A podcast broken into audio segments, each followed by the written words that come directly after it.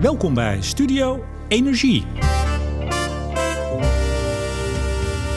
Als Delftse energieingenieur die de wereld vooruit wilde helpen, begon hij in 2008 een bedrijf in kernenergie. Dit atoomstroom redde het uiteindelijk niet, maar werd wel de basis om er wat in recordtempo zou uitgroeien tot een van de grootste energiebedrijven van Nederland. Behalve innovator en ondernemer is hij een scherp observator van de energiemarkt en de transitie. Over die transitie en die markt en zijn spannende jongensboekavontuur in de energiewereld praat ik met de oprichter van de Nutsgroep. Mijn gast is chef Peraar.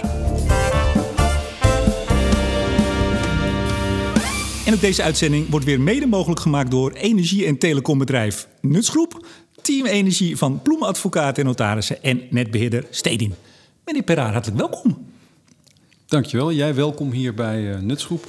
Ja, dit is nu al een heel bijzondere podcast. Want uh, aflevering 84 en voor het eerst ga ik tutoyeren. Wij kennen elkaar al heel wat jaren. Je was de eerste die aanbood om deze podcast te gaan sponsoren. Het is ook heel bijzonder, omdat ik al twee jaar probeer om je in de podcast te krijgen als gast. En eindelijk is het gelukt. Vrijdag vroeg ik je, heb je er al spijt van? Uh, eerlijk gezegd, ja. ja, nee, je weet, ik vind het doodeng. Uh, maar ik vind het toch leuk, uh, leuk dat ik ja gezegd heb. Ja, dus, eindelijk. Uh, ja. ja. ja.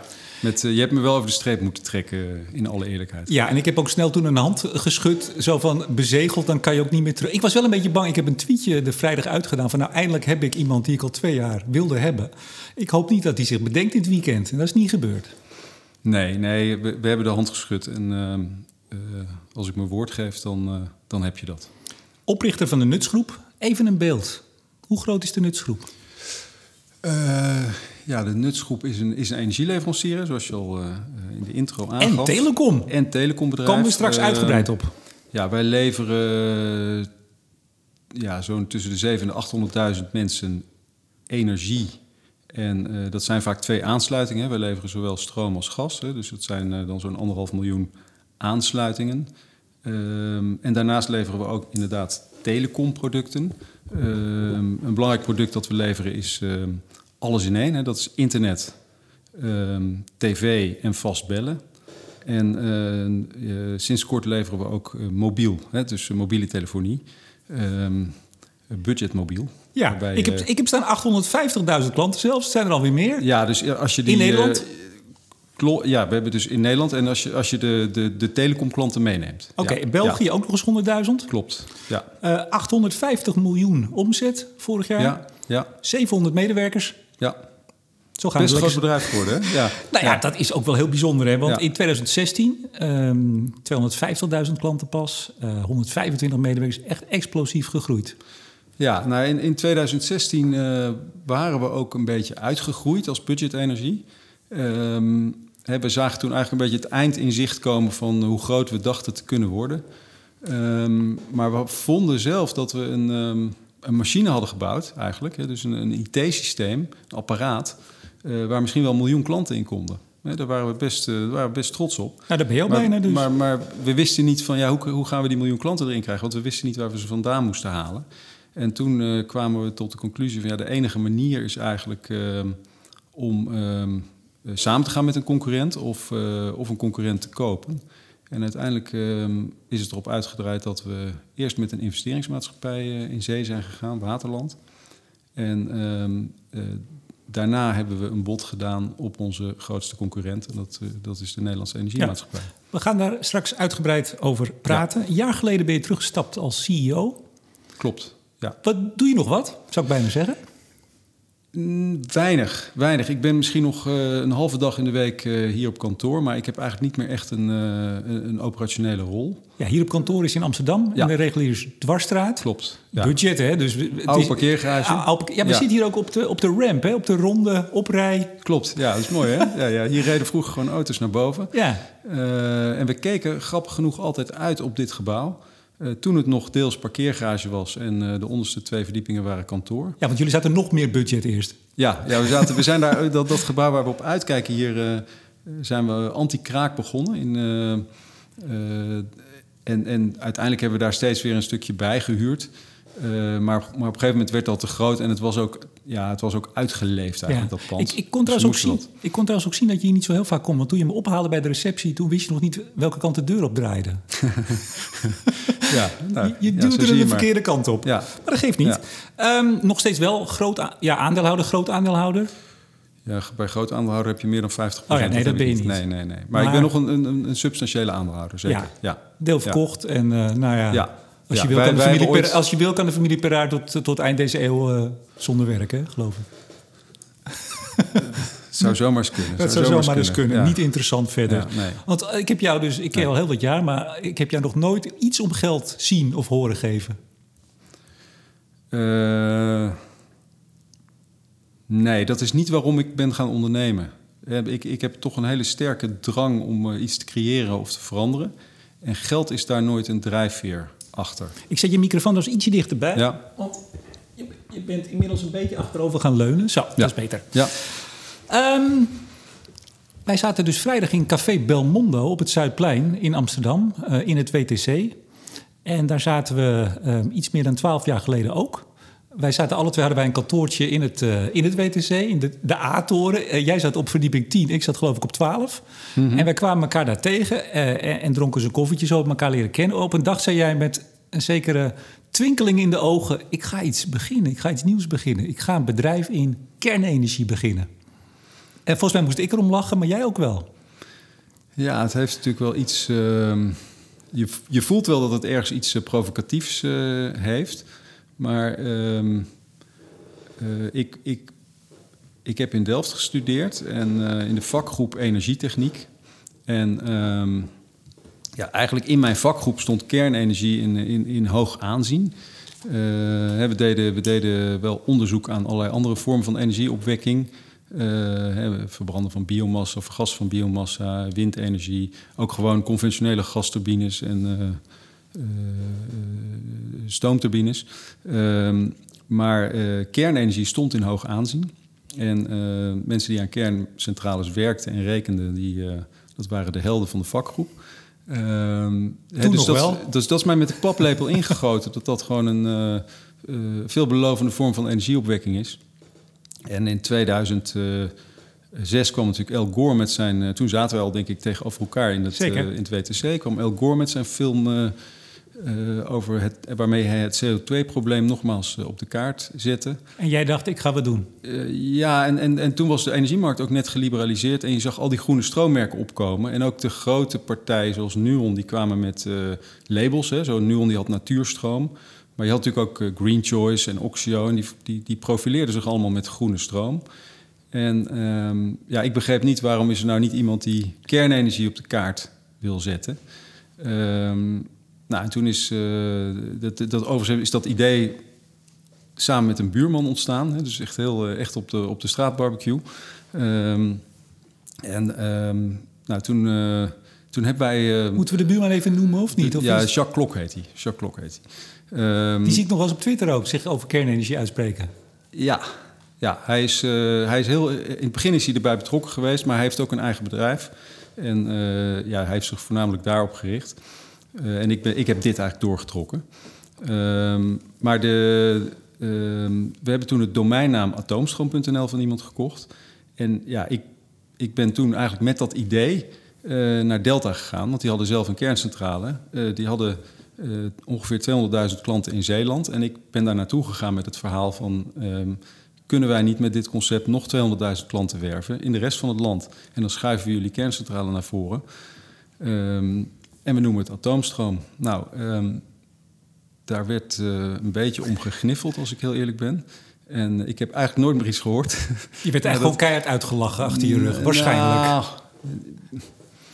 ik, ik, ja, ik denk, nou, dat weet ik. Dat, dat, ik weet wel overigens dat, eh, dat ehm, eh, mensen... Ik heb toen ook contact gehad met mensen bij EPZ zelf... Hè, die dus de, de, de kerncentrale eigenlijk eh, beheren en bedrijven. Eh, die vonden het wel een eh, geweldig plan... maar de, de commerciële mensen bij Delta... die, eh, die zagen er helemaal niets Ja. in. Vo- voordat wij verder gaan met atoomstroom, wil ik even terug naar de periode daarvoor. Ja, Want jij hebt, nou, jij zei het al, je hebt Delft gestudeerd. Je hebt ook, als ik het even eerbiedig zeg, een aantal baantjes gehad daarna.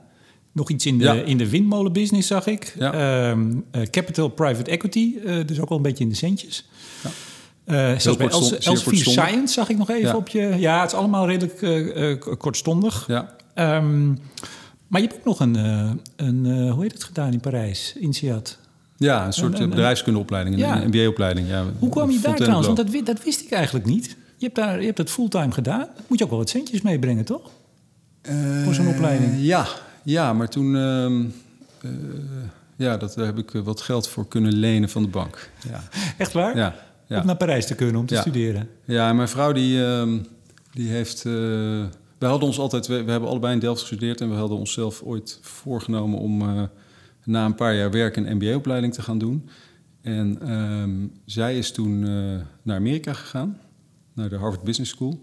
En ik ben naar INSEAD gegaan. Dus we zijn toen eigenlijk, we hebben twee jaar apart geleefd eigenlijk in die, eh, in die periode. Geld geleend en eh, ja, verder. ja, dat is ook wel weer een mooi avontuur hoor. Maar ehm, ja, Maar dan moet je ook wel vertrouwen hebben dat het wel weer... eh, ja, dat het zijn vrucht afwerpt.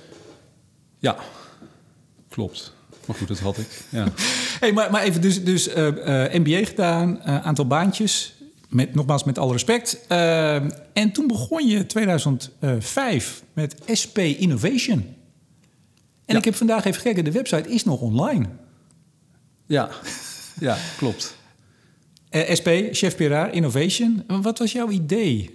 Want je had dus je had, je had Delft gedaan, je had energie, je was een energie-nerd, mag ik je zo noemen. Je, was, Ja. eh, je had business school, MBA gedaan. Ja. En toen dacht je, ik ga voor mezelf beginnen. Ja, ik, ehm, nou, ik had gemerkt in die. Ik heb, ik heb dus inderdaad een paar eh, ehm, eh, gewone banen gehad. Hè, bij, eh, bijvoorbeeld bij Elsevier. Maar ik, had, ik, heb, ik merkte eigenlijk dat ik eh, altijd de neiging heb om een bepaald concept te bedenken. En daar zit dan soms een technische kant ook aan. Ehm, en daar dan eh, een plan voor te, schrijven.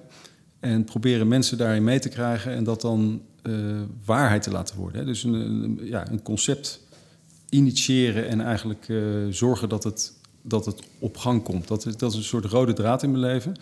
En, ehm, ehm, en dat deed ik dus ook. Die neiging had ik dus ook als ik een gewone baan had. Dan ging ik gewoon een plan schrijven en dan ging ik dat presenteren aan de directie. En zeggen, eh, bij Elsevier Science was dat een zoekmachine voor wetenschappers bijvoorbeeld.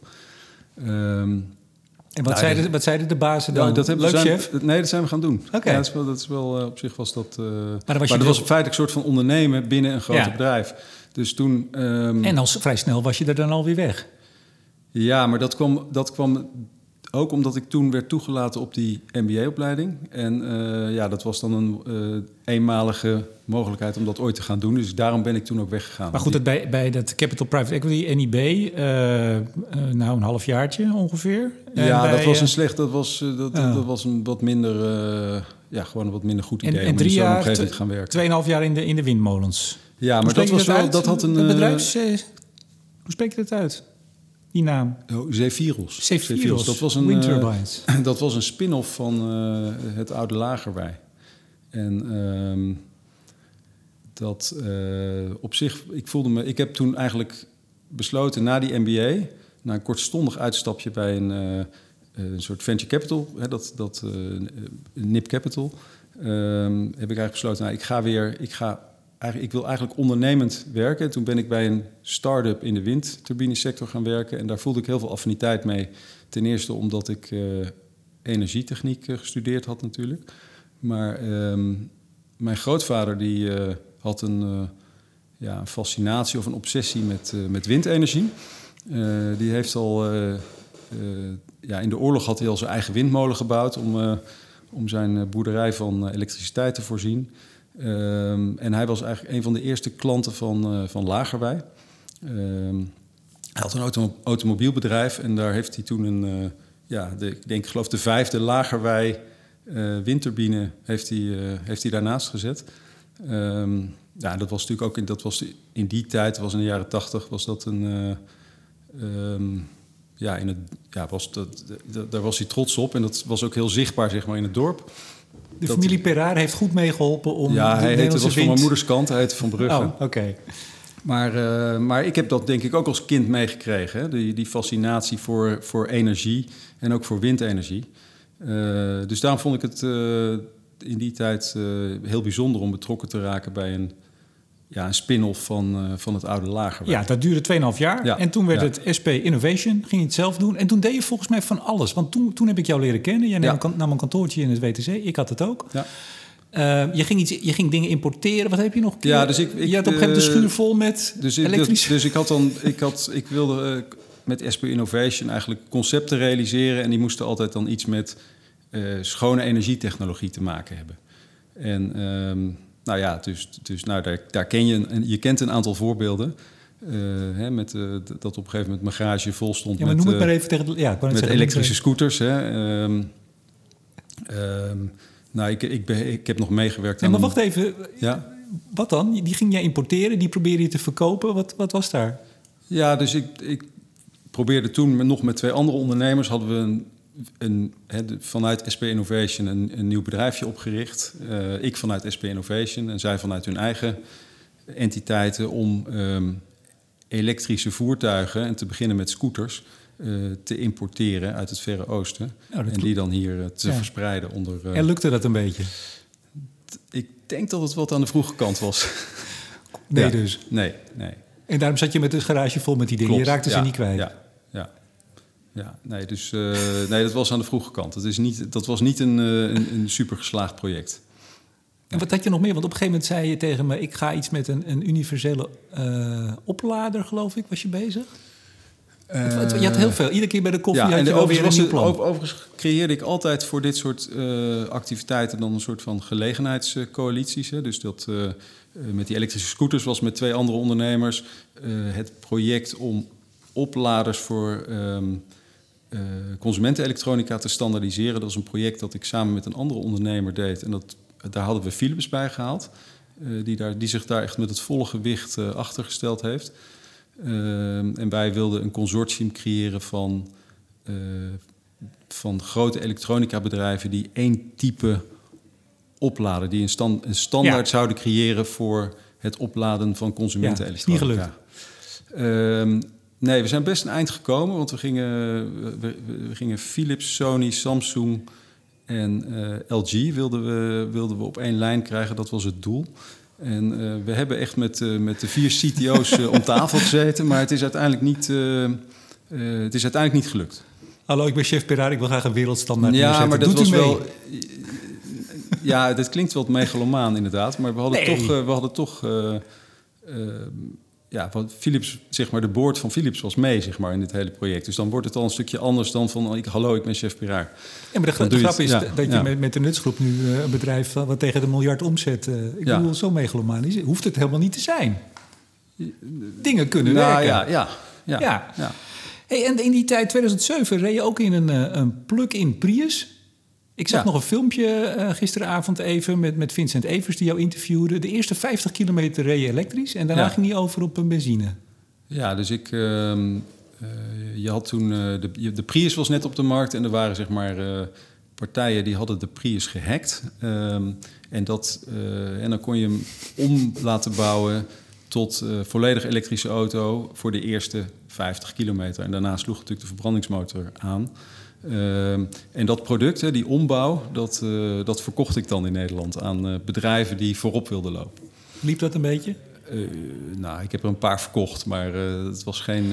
Had je in die tijd niet ook, want jij woonde niet zo ver van het WTC... had jij niet een, een stopcontact in de lantaarnpaal zitten? Ja, Of- ik, ik moest die Prius natuurlijk opladen. Dus ja, hoe doe je dat dan? En je, je, wil, je wil liever niet een draad, zeg maar, over de stoep vanuit je huis naar, je- naar die auto hebben. Dus ik had inderdaad zo'n sleutel gekocht waarmee je de lantaarnpaal open kunt maken. En er een stopcontact op gemonteerd. Dat, eh, Dat is allemaal goed gegaan. Daar is niemand bij... er is eh, niemand bij geëlektrocuteerd. Nee. Nee, Nee. En anders was er misschien iemand over die draad gestruikeld. Dus ik weet niet wat het, Kijk, ik dat weet is niet de wat het ingenieur, gevaarlijkste was. Dat is de ja, ja. ingenieur, heel goed. Ja. Ja, en toen dus atoomstroom. 2008. Ik ga iets leuks beginnen. Nou, leuk Ja, chef, ja, nee, dus- Eh, dus- dat is bijzonder. Ja, nee, dus, dus ik gaf het net al even aan. Hè. Die, die tijd, eh, die, die, die markt was net geliberaliseerd. En iedereen profileerde zich met groene stroom. En ehm, ja, een beetje een eh, zomer barbecue idee. Hè. Maar eh, waarom profileert niemand zich met kernenergie? En dat, eh, eh, nou ja, dus domein atoomstroom.nl gekocht. Daarmee onder de arm, plannetje geschreven, daarmee onder de arm naar Delta. Ehm, Uitgelachen en door. Ja, en, dan, eh, en toen uiteindelijk het, eh, het zelf gaan doen. En echt ehm, ja, absurd kleinschalig in het begin. Echt gewoon... eh, ehm, ja, ik, heb wel, ik ben wel weggegaan uit dat kantoor eh, waar wij tegenover elkaar zaten, of eh, vlak bij elkaar. Ik ging, ik ging ehm, bij een, een ondernemer die ik kende, die ervaring had in de energiesector. Die zei, oh, ik vind het wel een aardig idee. Waarom kom je niet bij mij op kantoor zitten? Want die had, was, die had een, een marketingbureau. En eh, ik, we hebben hier nog wel een vrij bureau. Ga je daar gewoon zitten. Dan hoef je geen huur te betalen, krijg, ik- krijg ik een paar aandelen. En ehm, dan, eh, dan helpen we je ook als het druk wordt, weet je. Dus, en ik vond het ook leuker, want anders zat ik daar maar in mijn eentje op dat eh, kantoortje in het WTC dat plan uit te voeren. Eh, dus ik ben daar op kantoor gaan zitten. Ik, vermoed, eh, tussenwerk, ik vermoed dat die paar aandelen van die eh, meneer, denk ik, als ik het zo hoor... eh, dat, dat, is, dat is een goede investering geweest. Dat is een hele goede investering geweest. ja. Heeft hij ze nog? Of heeft hij ook gecashed? Ja, ja, nee, je hebt hem net ontmoet. Ah. Want hij is later volledig eh, eh, ja, betrokken geraakt. Eh, hij is, hij is, later is hij eh 100% van zijn tijd in het bedrijf gaan steken. Kijk aan. Dus, Ja, jij, jij zat daar en eh, je zei, je zei bizar, hoe zei je dat? Bizar kleinschalig? Jij ging bellen, jij pakte een telefoon en je zei, wilt u atoomstroom ja, van mij omdat, kopen? ja, omdat dat, dat werd toen gelanceerd. En ik eigenlijk ehm, deed ik in het begin gewoon... eh, ik had een vriend van mij had een website gebouwd. Ehm, daar kon je ook op, aan de achterkant op inloggen. Dan kon je, ehm, ja, dan kon je, daarmee kon je feitelijk een soort eh, klantenservicevragen beantwoorden. En ehm, ja, ik, ik pakte gewoon de telefoon op. En ik maakte ook de facturen in het begin. Dus ik heb gewoon eh, de eerste 2000 klanten... eh, daar heb ik zelf de facturen voor gemaakt. En eh, die heb ik zelf in het systeem ingevoerd. En eh, op een gegeven moment eh, eh, hadden een advertentie gezet in de Elsevier. Dat is een beetje de, Het huisblad van kernenergie. het huisblad van de kernenergie-liefhebbers. En, ehm, ehm, ja, en op een gegeven moment werd het druk. En toen heb ik mijn zus gevraagd. Die eh, had, was toevallig net gestopt met een baan. Ze zei van, nou, wil je komen helpen met die kaartjes invoeren? En die heeft dus echt een paar jaar ook eh, bij mij gewerkt. Dat was de eerste medewerker.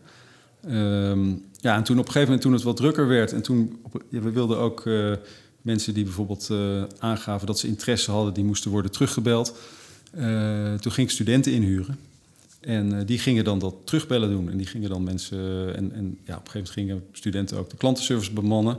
En het is zeg maar heel organisch gegroeid. En het begon gewoon met een administratie in Excel. En ehm, ja, op een gegeven moment werd dat wat onhandig. Dus ging ik een bevriende programmeur vragen wat te schrijven. Zodat, het, zodat we het wat beter konden. Wat sneller mensen bijvoorbeeld konden terugbellen. Of wat makkelijker konden aangeven van ja, die hebben we al gebeld. En. Eh, Ehm, die, ja, die wil morgen worden teruggebeld, dus dan moet je een afspraak kunnen inplannen bijvoorbeeld. Nou, dat ging. Maar hoe leverde jij atoomstroom? Ja, ik, in, het, in het begin, want hè, dus die samenwerking met Delta, dat werd niets. Ehm, dus toen ben ik uiteindelijk met een, eh, met een heel klein energiebedrijf dat eh, eh, uit Barendrecht, misschien, misschien ken je het energiebedrijf. Ehm, Maar misschien moet je het even voor de luisteraars eh, zeggen. Als je Anode, Anode, die eh, Erik van Tevelen, dat is een beetje mijn leermeester geweest in de, in de energiesector. Die geloofde heel erg in het idee. En eh, die heeft eigenlijk gezegd van, nou, ik doe dan wel dat, als jij een, als jij een nieuw klant hebt, eh, ik zorg wel dat ze geswitcht worden en ik zorg wel dat de energie geleverd wordt. En ehm, dan moet je natuurlijk ook nog zorgen dat je, nou, dat, maar dat is denk ik een te lang en technisch verhaal van hoe ga je, hoe ga je bewijzen dat de stroom die jij levert nucleair is. Ja. Nou, dat eh, was natuurlijk eigenlijk nieuw, hè, want je kon alleen garanties van oorsprong kopen die groen zijn. Ja. En ik moest de ACM ervan overtuigen dat, eh, dat ik dan ik kon borgen dat de energie die ik leverde 100% nucleair is opgewekt. ja, en dat kon je. En dat kon ik. Of En hebben dat al die mensen geen Nee, atoomstroom nee, nee, gehad? dat, is, dat heb ik echt. Ik heb, ik heb, maar dat was wel. Dat zou ook mooi zijn, dat ze het gewoon niet gehad hebben. Nee, maar ze het was, het wel- gehad. het was wel, want ik moest daar wat iets andere techniek voor hand, omdat er toen nog geen gar- nucleaire garanties van oorsprong waren, moest ik daar een wat andere eh, techniek voor hanteren. En ehm, ja, dat moest de, de, ik, ik kreeg wat gefronste wenkbrauwen van de ACM. Van nou, hoe, dit, we weten niet of dit kan. En uiteindelijk, eh, ehm, nou, een hele studie geweest. Maar uiteindelijk hebben ze gezegd, het is gelukt. het, dit, is, dit is valide. Maar, dit mag. maar- ja, maar behalve, dus het, het begon heel klein. Sus eerste medewerker, jij nog 2000 kaartjes inge, inge- ingeklopt. ja, Ehm, er stond ook eh, op prikkelende en ludieke wijze de discussie over kernenergie losmaken.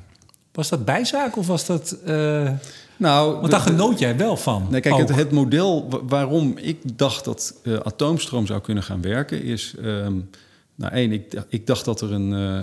of ik, ik- en ik denk nog steeds dat er gewoon... Er is een groep mensen in Nederland die vindt dat kernenergie meer positieve aandacht zou mogen krijgen. Ten tweede, het is, het is heel controversieel en daardoor is het makkelijk om ehm, media-aandacht te genereren. Ehm, en ik denk dat de gemiddelde liefhebber van kernenergie, eh, dat is vaak de wat hoger, dat is toch de wat hoger opgeleide, vaak man.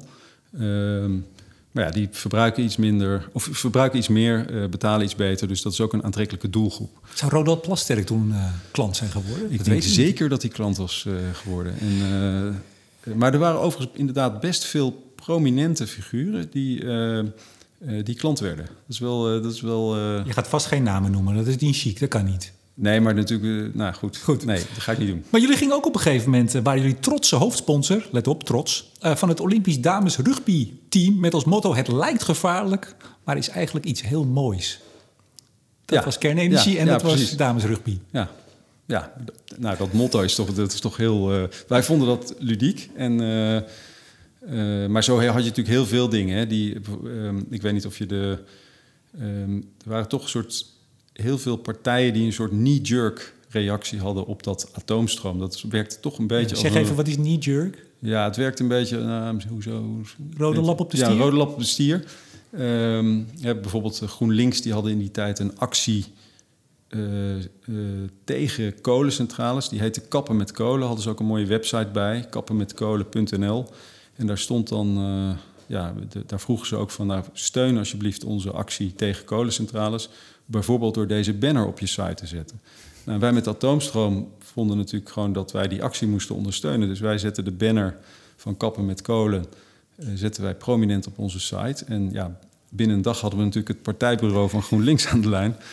Ehm, ja, met eh, het vriendelijke verzoek om die banner te verwijderen. En dan je kreeg een hele absurde discussie eigenlijk. Van ja, maar ja, wij, wij, zijn ook tegen kolencentrales. En eh, ja, wij steunen jullie actie heel graag. En hoezo mogen wij die banner niet op de site zetten? Ja, maar wij, wij zijn tegen kernenergie. Ja, maar dat, ja, maar dat geeft toch niet dat, dat jullie tegen kernenergie... We zijn samen tegen kolencentrales, dat is toch mooi? Ja. Maar Dus, heb je hem eh, eraf gehaald of niet?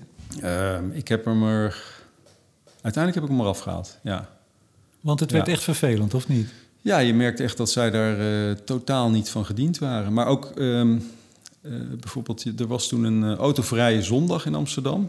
En dan mochten alleen eh, elektrische auto's door de stad rijden. En die reden dan in een soort ehm kolonne reden die door de stad met heel veel eh bombari. Nou, jij in je plug-in eh, Dus Prius, ik in mijn eh, plug-in. Prius en had ik erop gezet... eh, deze auto rijdt op atoomstroom. En ehm, Je vond dus- het ook wel heel leuk, hè? Nou ja, toen, eh, toen heeft dus Marijke Vos, die heeft... eh, To- toenmalig... eh, ja, die, die was wethouder. En die, die heeft ons eh, GroenLinks. de, de toegang eh, tot, die, eh, tot die stoet eh, ontzegd. Zei van ja, ik wil niet dat deze auto meerijdt. En, eh, Ja, maar wat reden dan? was- Haalt de politie dan van de weg? Of? Ja, nou, die, de, de, de reden was dat ehm, eh, ze- eh, vond dat het imago van elektrisch rijden bezoedeld zou raken door eh, te associëren met kernenergie. En ehm, ja, ze heeft ons dus inderdaad de, de, de toegang tot de stoet eh, ontzegd. Hoe gaat Nou, wij zijn Jij- gewoon mee, wij zijn gewoon mee gaan rijden, maar zij heeft wel. eh, daarna, daarna was een soort informatiemarkt waar je dan een steentje had met je, met je bedrijf. Oh, en, eh, wij, mochten daar dan niet, wij mochten daar dan niet staan. En het is, er is nog een quote. Ik geloof dat, dat ik toen, want toen werd, ging de Telegraaf mij interviewen. En ik zei, ik zei ja, eh, Nuon hult de stad in kolendampen en draait de burger een poot uit met te dure stroom. En wij mogen niet meerijden. Hoe absurd is dit? En eh, dat, dat staat letterlijk zo in de, In de in, de, tele, in de Telegraaf. Maar je hebt ook, Eh. volgens mij, ik heb je toen ook wel zo vaak op tv gezien. Ik zag je volgens mij zo met Lisbeth van Tongeren, dacht ik. GroenLinks. Ook eens in mijn debat, of heb ik dat fout? Ja, ja, ja, nou, het waren altijd een beetje de usual suspects waartegen je dan... eh, Ja, maar, maar ja. jij genoot er ook wel van, toch? Ik bedoel, je, had, je had wel echt, want jij was wel heel lang bezig met CO2-vrije energie. Dat wilde je. Je experimenteerde, Ja. je importeerde scooters, et cetera. Maar, maar je, je vond het ook wel leuk. Ik zag het dan wel in je ogen. Het klinkt een beetje raar, maar... Nou, wat ik, wat ik er leuk aan vond, is dat je toch een soort. ehm, eigenlijk is het best moeilijk te verdedigen. de, de positie die dan een, eh, een tegenstander of iemand die zich stoorde aan ons, eh, ehm, eh, aan ons product. Ehm, die, die positie was vaak best moeilijk met rationele argumenten te verdedigen. Met rationele argumenten was eigenlijk gewoon een beetje een, absurde, een absurd standpunt, zeg maar. Eh, en het, Nou was ja, leuk om daar, toch- het was leuk om daar, eh, om daar een beetje in te porren, zeg maar. Om dat eigenlijk bloot te leggen. Dat vond ik... eh, ehm, ja, er zijn, zijn echt tientallen voorbeelden hè, van... eh, ik bedoel, wij waren bijvoorbeeld ook lid van MVO Nederland als bedrijf. En eh, op een gegeven moment zijn wij dus geroyeerd als lid van MVO Nederland... omdat een paar andere leden hadden geklaagd over... eh, dat een bedrijf lid was dat zich associeerde met kernenergie. Weet je, dat soort hele rare dingen kreeg je dan. Maar dat leidde wel tot heel veel discussie en ook publiciteit. Ehm, Alleen leidde dat nou niet tot heel veel klanten. Hè? Nee, het leidde wel dus tot een soort van fans. eh, of een soort fanbase. Maar dan, eh, wat, wat je ook heel vaak als... Ja, ik vind jullie geweldig. En dan zeg ik, ja, maar ben je ook klant? Eh, nee, dat moet ik nog even doen. Dus dat, ehm, dus het, het, heel veel mensen kenden het merk in die tijd. Ehm, maar dat leidde niet automatisch tot... ook daadwerkelijk naar de website gaan en je aanmelden. Ja, en toen werd het eh, 2011. En ja, toen ja. was er Fukushima Ja, nee, dat was natuurlijk gewoon een... ehm, eh, doodsteek. Ja, dat was, want wij verkochten het als eh, ehm, schoon en veilig. Atoomstroom. Kernenergie voor bij u thuis of op de zaak. En dan was het eh, CO2-vrij, eh, schoon en veilig. En eh, ja, als we dan belden natuurlijk naar Fukushima... zeiden nou meneer, u zegt schoon en veilig. Ik zie hier een rokende kerncentrale op tv al twee weken lang. Ehm, en dat duurde maanden. Hè. Die, die, die centrales bleven maar eh, roken en ontploffen. Ik kwam een quote van je tegen. Als iemand van ons belde om atoomstam te verkopen... vroegen mensen zich af of het een grap was. Ja, ja, ja. dus dat, eh, dat was kansloos. Dus we konden er beter mee ophouden. Overigens op de, de, de avond dat Fukushima ehm, eh, plaatsvond... ehm, kreeg ik een appje van ehm, Harald Swinkels. Of die zaterdag, dat was geloof ik op een zaterdag. Zeg even, wie is Harald Swinkels? Harald Swinkels is de oprichter van de Nederlandse Energiemaatschappij. Die jullie hebben gekocht een paar jaar geleden. Ja, hoeveel moet je hebben voor die klanten? Letterlijk, ja. ja hij Ja. dacht, eh, ik, eh, ik kan Ja. voor, een, voor een appel en een ei... kan ik even plantjes van. Peraar kopen. Ja, ja het was half schertsend, dus ik, ik, ik weet niet... eh, maar hij stuurde wel het appje. Dus dat was dat is wel grappig. Heb je hem daar nog aan herinnerd toen jij hem een bericht stuurde... van wat moet jij voor jouw toko hebben? Zeker, zeker. Trouwens 200 miljoen? Ik, ik lees altijd dat dat jullie over 200 miljoen We hebben hebben betaald. afgesproken daar geen eh, uitspraak over te doen. Oké, dat ga je dus hier ook niet doen. Nee. Nee, dat is helder. Kijken of ik iets kan zien. Nee, ik kan ook niks zien aan je. Nou, oké. Ehm, ja, einde oefening. Even te- te- te- om het af te ronden, de atoomstroom. Zou atoomstroom op dit moment een, een doorstart kunnen maken? Of zou, zou er weer markt zijn nu echt voor een bedrijf dat kernenergie levert? Nou kijk, toen ik met atoomstroom eh, startte... was ik natuurlijk ontzettend onervaren in de sector. En wist, wist ik ook niet precies van hoe doe je dat nou, klanten werven... en wat is verantwoord, hè, wel, hoeveel marge moet je nou precies maken... om je bedrijf te kunnen draaien. En dat hebben we natuurlijk gaandeweg geleerd. Ehm, ik denk als we het opnieuw zouden doen... dan zouden we best wel een klantenbestand van misschien 100 of 200.000 klanten kunnen opbouwen. Dus het heeft wel bestaansrecht.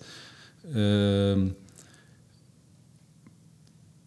maar ik zie het niet gebeuren. Ik zie niet gebeuren dat we daar, dat, dat nog een keer, zeker niet, niet binnen deze setting, dat we, dat we nog een keer het eh, merk uit de kast trekken en weer opnieuw gaan doen, maar lanceren. dat als, iemand, als er een nieuwe chef zou- op staat... Ik denk dat het nu zo, ja, maar wel met de ervaring die ik nu heb, zou ik wel, eh, zou dat lukken? Ja, denk ik wel. Goed, jij hebt wat tijd tegenwoordig. Dus als er iemand dit hoort en die denkt... ik begin atoomstroom 2.0... Even, Ja, even ja, een telefoontje. Moet je zich even melden. Ja. Begrijp dan wel altijd dat 100 tot 200.000 in Nederland als energiebedrijf... dat is ongeveer een soort... eh daarmee op sterven en dood. Daar red je het niet mee. Nee, en, toen, Consolidatie. en toen, toen ik startte was zeg maar de, de ondergrens voor een eh, rendabel energiebedrijf, of de kritische massa, de, de, de, de, kritische, de ondergrens van de, was, ja, denk inderdaad ergens tussen de 100 en de 200.000 klanten. Ik denk dat inmiddels eh, die minimale grootte wel iets hoger ligt. Hè? Dus, eh, Flink eh, hoger, toch? Ja, dus ik denk dat je nu wel 250 of 300.000 klanten wel nodig hebt om gewoon sustainable te zijn. Ja, we, ko- we komen zo op die, Ja. eh, die consolidatieslag die plaatsvindt... Ja. en waar jullie nou, een van de partijen zijn. Hè? Ja. Vier, vierde energiebedrijf hè, van Nederland. Ja. In, eh, ja. Ehm, nou, Fukushima, eh, einde oefening. Althans, dat zagen jullie wel aankomen. En, en wat toen te doen, dacht chef Peraar. Ja, dus, dus er- wa- waren een aantal opties. Er was een aantal opties. Ehm, natuurlijk eigenlijk met redelijk opgeheven hoofd zou je bedrijf kunnen sluiten. Want ja, dit is gewoon eh, totaal onvoorzien. En ehm, ehm, ja, we kunnen niet verder met het merk. Ehm, maar daar waren we eigenlijk niet, eh, niet aan... Dat, dat hadden we toch niet echt eh, als optie gezien. Toen hebben we een aantal maanden eigenlijk... zijn we op zoek geweest naar een nieuw concept eigenlijk. Een nieuw, eh, en, en we hebben gespeeld met een... ehm, we, we wilden toen eigenlijk een multi... ehm, ja, dus meerdere merken gaan lanceren. Dus een, een regionaal eh, merk, eh, misschien een etnisch merk.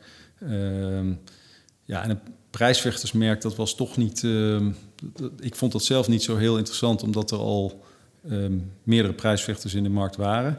Dus toen had je, je zegt steeds we nu in die tijd. Ja, want we hoeveel, waren met wel, hoeveel waren want, jullie toen al? Ik denk dat we misschien met ehm 20, dat er 20, 25 mensen eh, betrokken waren bij het bedrijf. En eh, we waren met een, eh, met een directie van vijf man. Oké, en, dat is best een flinke directie op... Ja, of een management, ja, of een directie. We noemden onszelf geen directie. We, ehm, maar formeel ben je dat natuurlijk wel. ja. Ehm, ja. En toen, toen kwam het, het, het idee van, nou, misschien moeten we toch die, eh, die budgetmarkt in. Een soort eh, eh, ja, laagste prijs. En jij dus jij was daar niet heel erg, en dan zeg ik het heel netjes, jij was daar niet heel erg van gecharmeerd. Nee, er waren twee ehm, eh, eh, eh, studenten die toen voor ons werkten. Die, eh, ehm, die kwamen eigenlijk met het... die zeiden, nou, we kunnen nu deze URL kopen, budgetenergy.nl. En misschien moeten we dat gewoon proberen. En nou, zij waren er heel enthousiast over. Ik was zelf wat minder enthousiast. Maar ik zei, nou goed, eh, probeer het maar. Ehm, en toen zijn zij, dat, eh, Frank en Floris heten ze. En Floris die, ehm, die, is, eh, die zit nu in de directie en die is eh, mede aandeelhouder. Ehm, Zo kan het gaan dus als student. ja, ja, en zij hebben, zij hebben toen eigenlijk de atoomstroomsite gepakt. Ze hebben eh, overal waar atoomstroom stond, hebben ze budget energy gemaakt. Ze hebben hem groen geverfd. En het, was, het concept was slim, groen en goedkoop. En het was echt eh, in drie maanden tijd eh, ehm, hebben ze dat omgekat feitelijk. En we hebben het toen gel- gelanceerd. En tot ieders grote verbazing ehm, eh, hadden we na twee maanden na de lancering hadden we al meer klanten dan drie jaar atoomstroom. En ehm, ja, dat was natuurlijk, iedereen was daar mega enthousiast en opgewonden over. En ehm, ja, ik was ergens toch ook wel een beetje teleurgesteld, omdat ik atoomstroom wel toch een bepaalde soort van ideologische missie. We probeerden iets te agenderen, iets op de, eh, de, de kernenergie op de kaart te zetten op een positieve manier. En CO2-vrij. Eh, CO2-vrij energieopwekking. Ehm, dus, ehm, dus ik vond het. ik vond het eigenlijk wel een beetje een deceptie dat eh, als je gewoon een product met een lage prijs, dat mensen gewoon zeggen, nou ja, oh ja, oh mooi, dat wil ik wel. En, en ehm, het hele het, verkoopproces was ook eh, totaal anders. Hè? Dus eh, bij, eh, ehm, ja, bij atoomstroom dan. ja, dan, het was toch een beetje een soort roodrepubliek dat je belde. En die moesten dan toch ja, met, met drie terugbelafspraken. En die gingen dan ook nog, je Kamer van Koophandel dossier lichten. En eh, kijken of je wel financieel solide was. En nou, nou, uiteindelijk na overleg met de vrouw. En nou, dan stapten ze wel over. En het was een lang verkoopproces.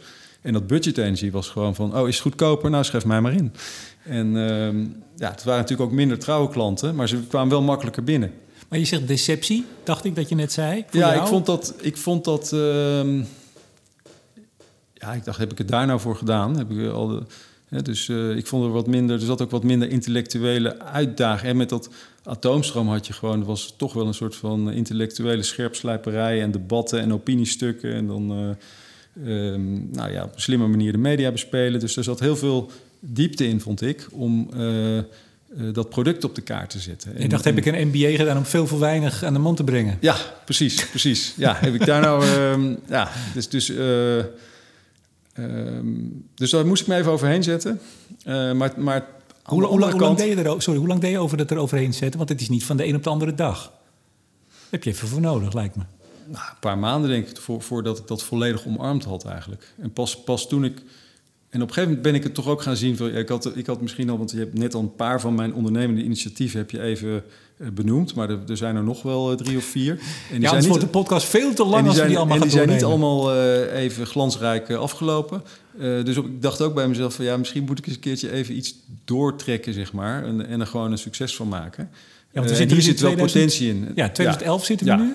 En even kijken, dan ga ik even heel Ja, snel rekenen. Was je nog een einddertiger? Jij bent nu een eind veertiger. Ja, ja, Ja. dus het, eh, we hebben... ehm, Pera moet nu toch Dus- eens dus- officieel serieus aan het werk. Precies, dus budget, budget energie is in december 2011 gelanceerd.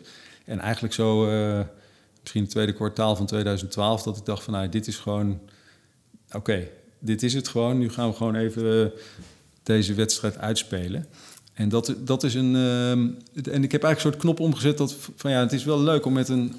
Want we hebben zulke geweldige mensen altijd in ons bedrijf gehad. Echt ja, geweldige karakters.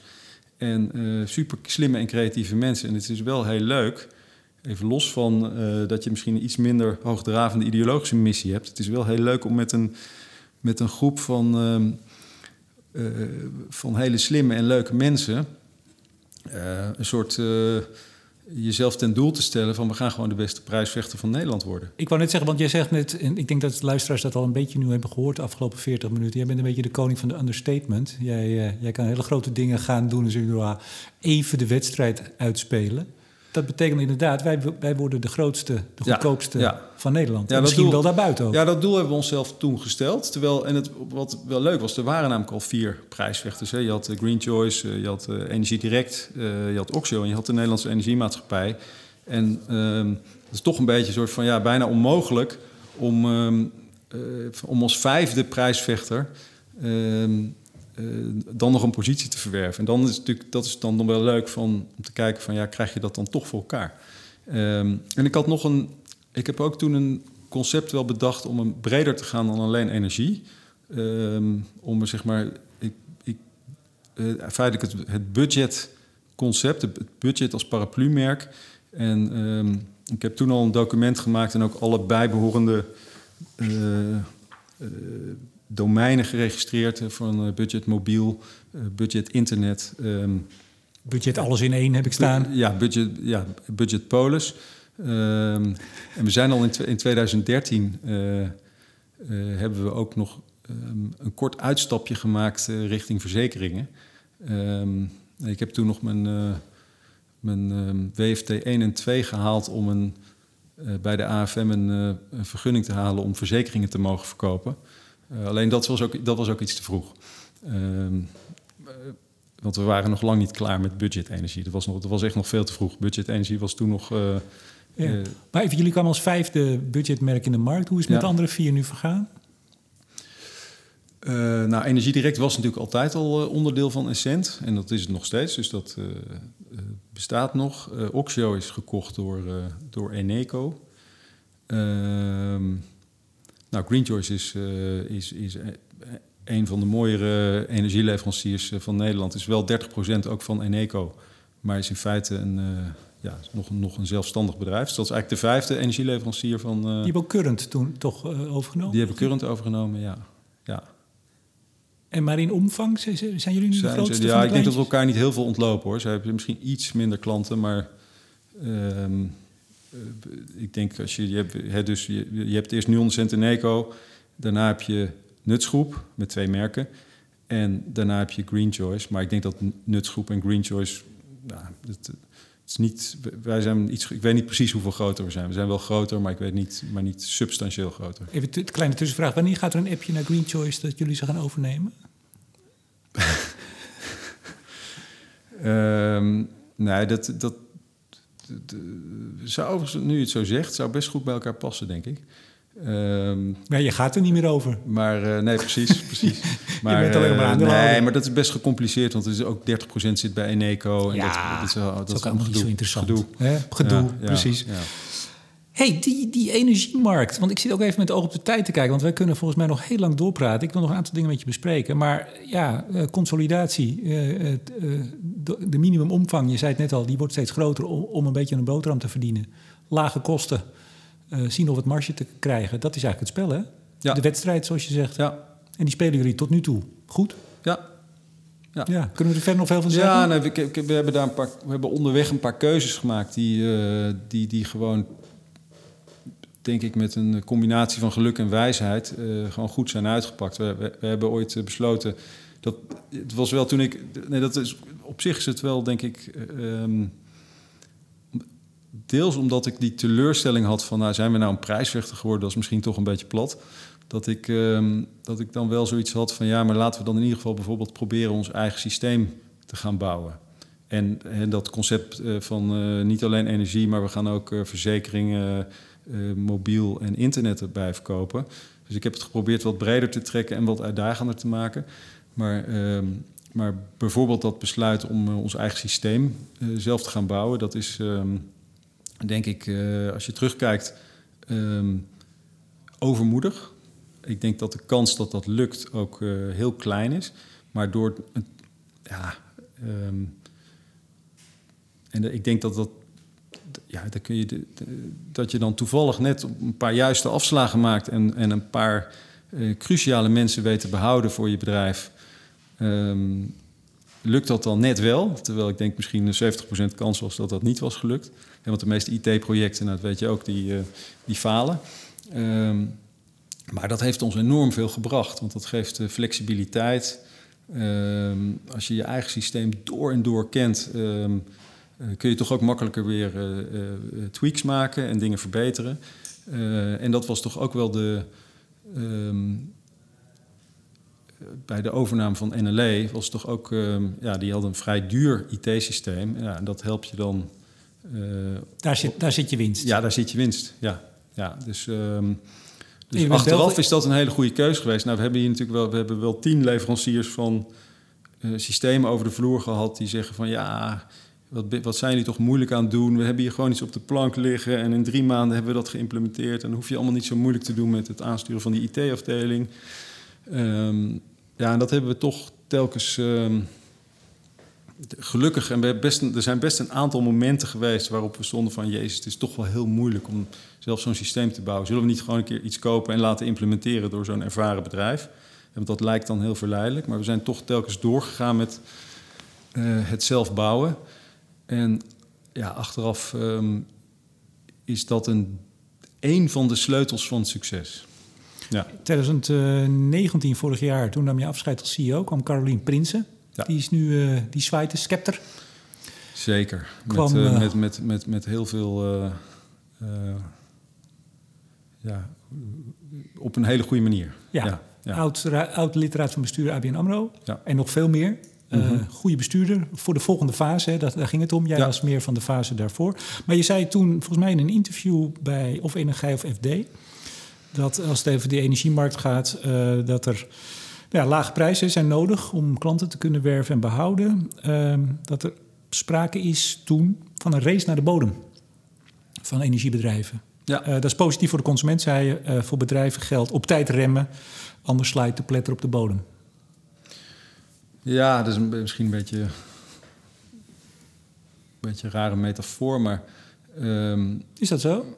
Het, het, het, het Nee, was ja, toch zo en dat het is toch ja, ook zo Ja, nee, eigenlijk? klopt. Maar die, die is, dus dus een race, race naar de bodem wordt altijd, wordt altijd als iets heel... ehm, eh, de, de, de- veel mensen zien dat als iets negatiefs.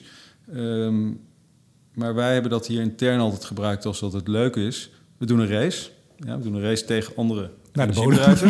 We doen een race naar de bodem. We moeten zorgen dat we als eerste aankomen. Maar we moeten niet de pletter slaan. Dus dat is een beetje... de- Zo, ik heb dat intern altijd als een soort... eh, als, een- als een metafoor gebruikt.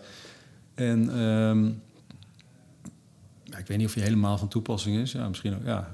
En, ehm, maar, maar, maar op zich is het natuurlijk is het positief, want je haalt er heel veel energie uit. Het is goed voor de consument.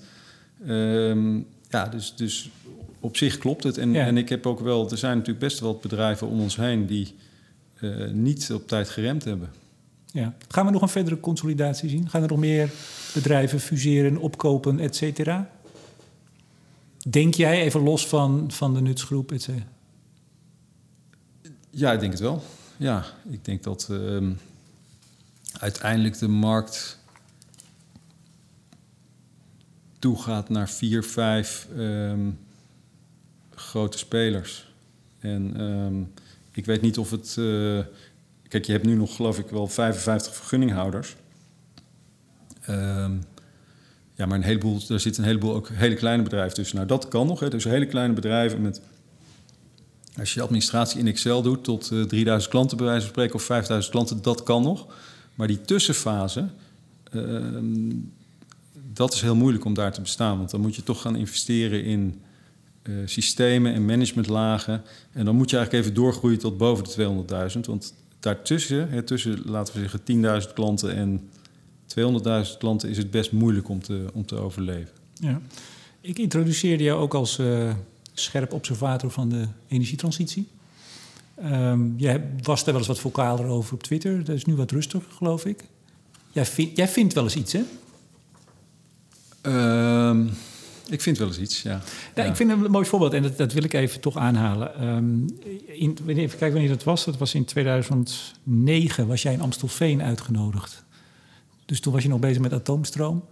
En toen kwam je met een presentatie en dat had iets met tomaten te maken. Misschien moet je even vertellen, ja, want dat is wel een mooie, mooi, mooi kapstokje voor jouw beeld van de transitie. Nou, ik werd daar niet gevraagd als uh, oprichter van Atoomstroom, maar omdat ik toen met SP Innovation heel veel dingen deed op het gebied van energietechniek en de transitie, werd ik daar gevraagd als, uh, als commentator van het energiebeleidsplan van de gemeente Amstelveen. En uh, de vraag was ook om um, wat, ja, wat scherp te zijn, zeg maar. Om, om, om een ja, een beetje een kritische noot te zetten. Ja, en natuurlijk wilden ze vast energie-neutraal worden in het jaar, weet ik veel. Ja, en toen kwam ja. jij langs en jij vertelde het volgende. Nee, zij, zij hadden, zij hadden als um, stelling hadden ze de gemeente Amstelveen klimaatneutraal in 2040. En als ondertitel was het dan uh, alle energie die in 2040 in de gemeente Amstelveen uh, zal, zijn, zal worden verbruikt, zal uh, binnen de gemeente Amstelveen uh, duurzaam worden opgewekt. Dat Zoals er op dit moment nog heel veel gemeentes ja. dit ja. soort of vergelijkbare ja. ambities uh, hebben. Ja. ja, dus ik, had toen, ik, had, ik begon mijn presentatie met uh, Amstelveen tomaatneutraal 2040. Alle tomaten die in 2040 in de gemeente Amstelveen gegeten zullen worden, zullen binnen de gemeentegrenzen van Amstelveen duurzaam geteeld zijn. Ja, uiteraard. Dus uh, dat, dat was mijn stelling. En toen zei de zaal, die ging daar een beetje om gniffelen. En ik zei, ja, waarom gaan jullie daar nou, waarom vinden jullie dit een rare stelling? Nou, zei die, een iemand in de zaal die zei van, nou, je kunt toch bij tomaten kun je toch beter uit het Westland halen of uit, uh, uit Spanje. Waarom? Hè? Dus oh, ik zei, oké. Okay, um, nou, dan doe ik nu even druk op de knop en toen werd dat tomaat werd dan vervangen door klimaat. En zei, ja, maar dit is de stelling van de wethouder. Waarom is dat dan niet raar? Energie of klimaat? Nee, klimaat. Okay. Klimaatneutraal. Ja. Dus, ja. Uh, um, en um, ja, waarom is dit dan... Uh, hè, dus, dus was Amstelveen klimaatneutraal 2040. Alle energie die in de gemeente... Nou, dus waarom is dit dan niet raar? Ja, daar kon de zaal dan toch niet een heel goed antwoord op geven. En kon de wethouder dat wel? Nee, maar hij vond het toch ook. Dit vond hij dan weer iets te kritisch, geloof ik. Achteraf kreeg ik dan te horen van het sprekersbureau die mij, uh, die mij hadden geboekt. Um, maar goed, ik, ik vind op, op zich vind ik het leuk om het wat scherp, uh, wat scherp neer te zetten. Maar goed, ja. dit is wat we nogmaals op veel plekken zien, bij veel gemeentes. Uh, ik heb het zelf ook ja. wel eens met, met de PvdA die dan uh, geen kernenergie wil importeren uit Frankrijk, maar wel zonnestroom uit de Sahara. Dus dan is ineens wel importeren goed. Je ziet het natuurlijk op heel veel terreinen. Ja, en je ziet, je ziet op heel veel terreinen, ja. En, um, ja, en ook bijvoorbeeld uh, de, de, de nadruk op, um, en dat zie je dan in de consumentensector, dat bijvoorbeeld het product uh, Nederlandse wind heel erg scherp, sterk wordt aangezet. Hè, van uh, ja, de Nederlandse wind zou dan groener zijn dan buitenlandse wind of buitenlandse groene stroom. Maar ja, als jij in Brabant woont, kun je dan, wat is dan groener, zeg maar, wind uit een windturbine die net over de grens in België staat? Of uh, wind uit een windpark uh, dat ver op de Noordzee staat. Uh, ja, volgens sommigen, ja, ik noem dat een beetje, dus het is toch een beetje PVV-energie, uh, zeg maar. Dat het dan ne de Nederlandse wind, dat dat dan beter is. Ja, eigen wind ik, eerst. Eigen wind eerst, ja. Ik, ik, ehm, ik heb dat nooit helemaal begrepen, als ik eerlijk ben. Ik, ik denk dat, ja, we, we hebben een soort Noordwest-Europese markt. Waarom zou Nederlandse wind beter zijn dan Belgische wind. Of, uh... Maar goed, ook, ook in, in Den Haag, het kabinet en het hele beleid is, is toch echt tot aan de grenspaaltjes over het algemeen. Daar kijken we niet zozeer naar die Noordwest-Europese markt. Je ziet het met zo'n Urgenda-fonds. Het moet binnen Nederland. Ja, die extra CO2-beprijzing. ja. Wat vind je ervan? Ja, ja eh, eh, onverstandig. Ja. ja. ik vind heb ik jou net als een scherpe observator, maar ik weet niet of het, het misschien... Ja. We spraken nog even voor het begonnen. Toen zei je, ik heb het weekend over nalopen denken. Wat vind ik nou eigenlijk? Heb je wel eens wat moeite mee om het onder woorden te brengen. Want je vindt wel wat. Nee, kijk, het is heel moeilijk, want je kunt wel... Kijk, enerzijds kun je dit soort dingen wel... Dit, dit, is gewoon niet. Dit, zijn geen rationele ehm, eh, tendensen. Uh, dus ik begrijp ze wel, van, vanuit, het zijn, maar het is echt het is door emotie gedreven. Um, uh, maar het is, heel, het is ook... Um, als beleidsmaker lijkt het me ook wel heel moeilijk om altijd super rationeel te blijven. Want mensen willen daden zien, zeg maar. En, dat, en daardoor komen denk ik ook al die um, overdreven claims die, die gemeentes doen vandaan. Hè. Die je wilt, het is heel moeilijk om op korte termijn uh, een, een, een, rationeel beleid neer te zetten. Dus dan ga je maar een claim, ga je maar een uh, ja, we moeten in 2040 met z'n allen van het gas af. En dan nee, laten we een motie indienen dat het 2035 moet worden. En dan zijn wij, dan zijn, want dan zijn we groener.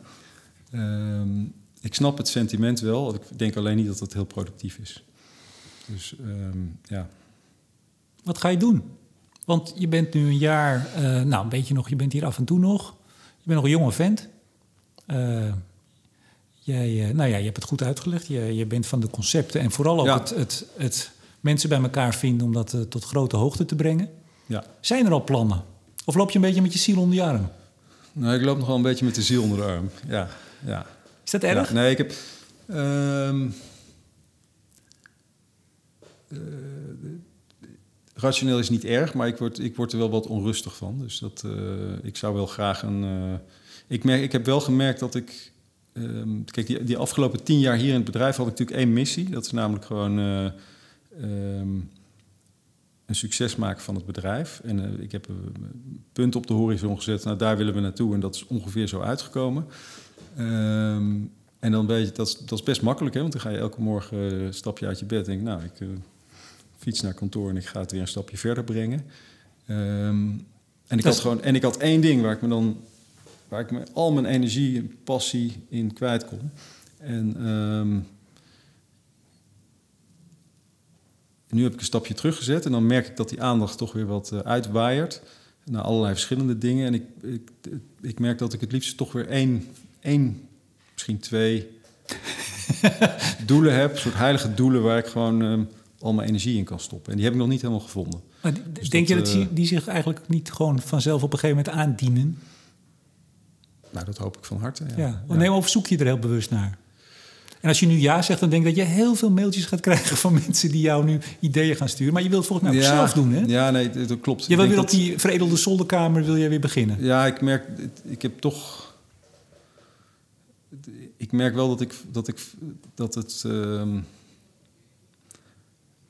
ja, dat hoeft, dat is niet. Maar het zijn vaak wel dingen die uh, aan het eigen brein uh, ontspruiten, die ik, waar ik dan heel, uh, waar ik dan heel hard achteraan ga lopen. Ja. En ik, ik, denk dat je gelijk hebt, dat komt op een gegeven moment. Maar zolang het er nog niet is, word ik er wel een tikje onrustig van. Ja, maar het is pas een jaar, toch, nu? Ja, ja, klopt. Klopt. Ja. Het komt. Vast. Fijn, Remco. Dank je. Dank je. Uh, ik ga jou bedanken voor dit gesprek. Dat doe ik altijd in zo'n zinnetje. Maar ik maak er even iets meer van dan normaal. Want ik wil je ook bedanken voor het sponsoren van Studio Energie. Twee jaar lang. Jij was de eerste die zei... Uh, ik wil dit sponsoren, ik wil dat dit gaat gebeuren. Dat contract dat loopt volgende week af. Dan weet je het even. Ja. Dat gaan we ook niet verlengen. Althans, ik... Jij wil geen sponsors meer, Nee, ik, wil, nee dat, ik ga het eigenlijk pas 11 maart bekendmaken. Maar het is mij geschuld dat ik, het nu, dat ik nu zelf over begin. Ja, nee, ik ga ook weer een, een nieuwe fase in. Uh, ik ga een boek schrijven, of daar ben ik mee bezig. En dat lukt voor geen meter als ik iedere week een podcast maak. Ik blijf wel podcast maken. Studio Energie gaat gewoon door. Bonteman de Boer gaan door. Maar ik wil even de... Ja, ik voel me toch altijd zeer verplicht aan mensen die geld geven... om uh, ook uh, dan altijd te leveren. Hoor ik een sirene? Oh, natuurlijk, het is maandag. Nou, maandag, dan weten de mensen ja. meteen wanneer we dit opnemen. Ja. Um, Nee, dus ik wil even uh, vrij van sponsor. Uh, sponsors. En ik heb het buitengewoon geluk gehad, uh, zowel jij als uh, Stedin, als Ploem. eigenlijk, ja, die hebben, zoals dat zo mooi heet, een zak geld gegeven en daar nooit iets voor teruggevraagd. Wij hebben ook nooit contact gehad. Oh, we hebben ook nooit contact gehad over inhoud. Jij hebt ook nooit iets gestuurd of gezegd van zou je niet eens dat. Dat is buitengewoon bijzonder. Wordt ook niet, nee. Nou, ik denk dat er verhoudingen sponsor zijn met hun gesponsorden waar het wel zo is. twee jaar lang niet, daar wil ik erg voor bedanken. Um, en ik ga inderdaad uh, uh, sponsorloos verder. Ik heb zelfs nog een lijstje met bedrijven die zich hebben gemeld om te mogen sponsoren. Zo luxe is het. Dat heb jij mede mogelijk gemaakt, chef. Ja, dit wordt een beetje klefs op het eind. Ja, nou, ik, kijk, um, toen ik hier ja tegen zei. Um, ik had heel veel vertrouwen in dat, dat, dat je daar iets heel goeds van ging maken. Maar in alle eerlijkheid, dat het zo'n groot succes zou gaan worden, dat uh, had, ik, uh, had ik ook niet kunnen voorzien. Ehm, maar de ja, studio energie is gewoon een begrip geworden. Dus dat, ja, ik, vind het wel, ik vind het heel leuk dat wij daar als nutsgroep aan hebben kunnen bijdragen. Dat, dus daar ben, ik wel, daar ben ik blij om. Nou, dat is mooi. En het, nogmaals, het gaat dus door. Maar het gaat, en ik ga ook wat meer experimenteren. Dat is ook het leuke. Ik neem ook even een stapje terug. Maar ja, terug en naar voren. Ze gaan meer debat doen. Uh, nou, nogmaals, Bontebal en de Boer gaan zelfs iets vaker doen. Dus iedere dinsdag gewoon uh, iets te horen. Maar voor mij in ieder geval in een wat andere vorm. En uh, nogmaals, heel veel dank. Heel veel dank voor dit gesprek.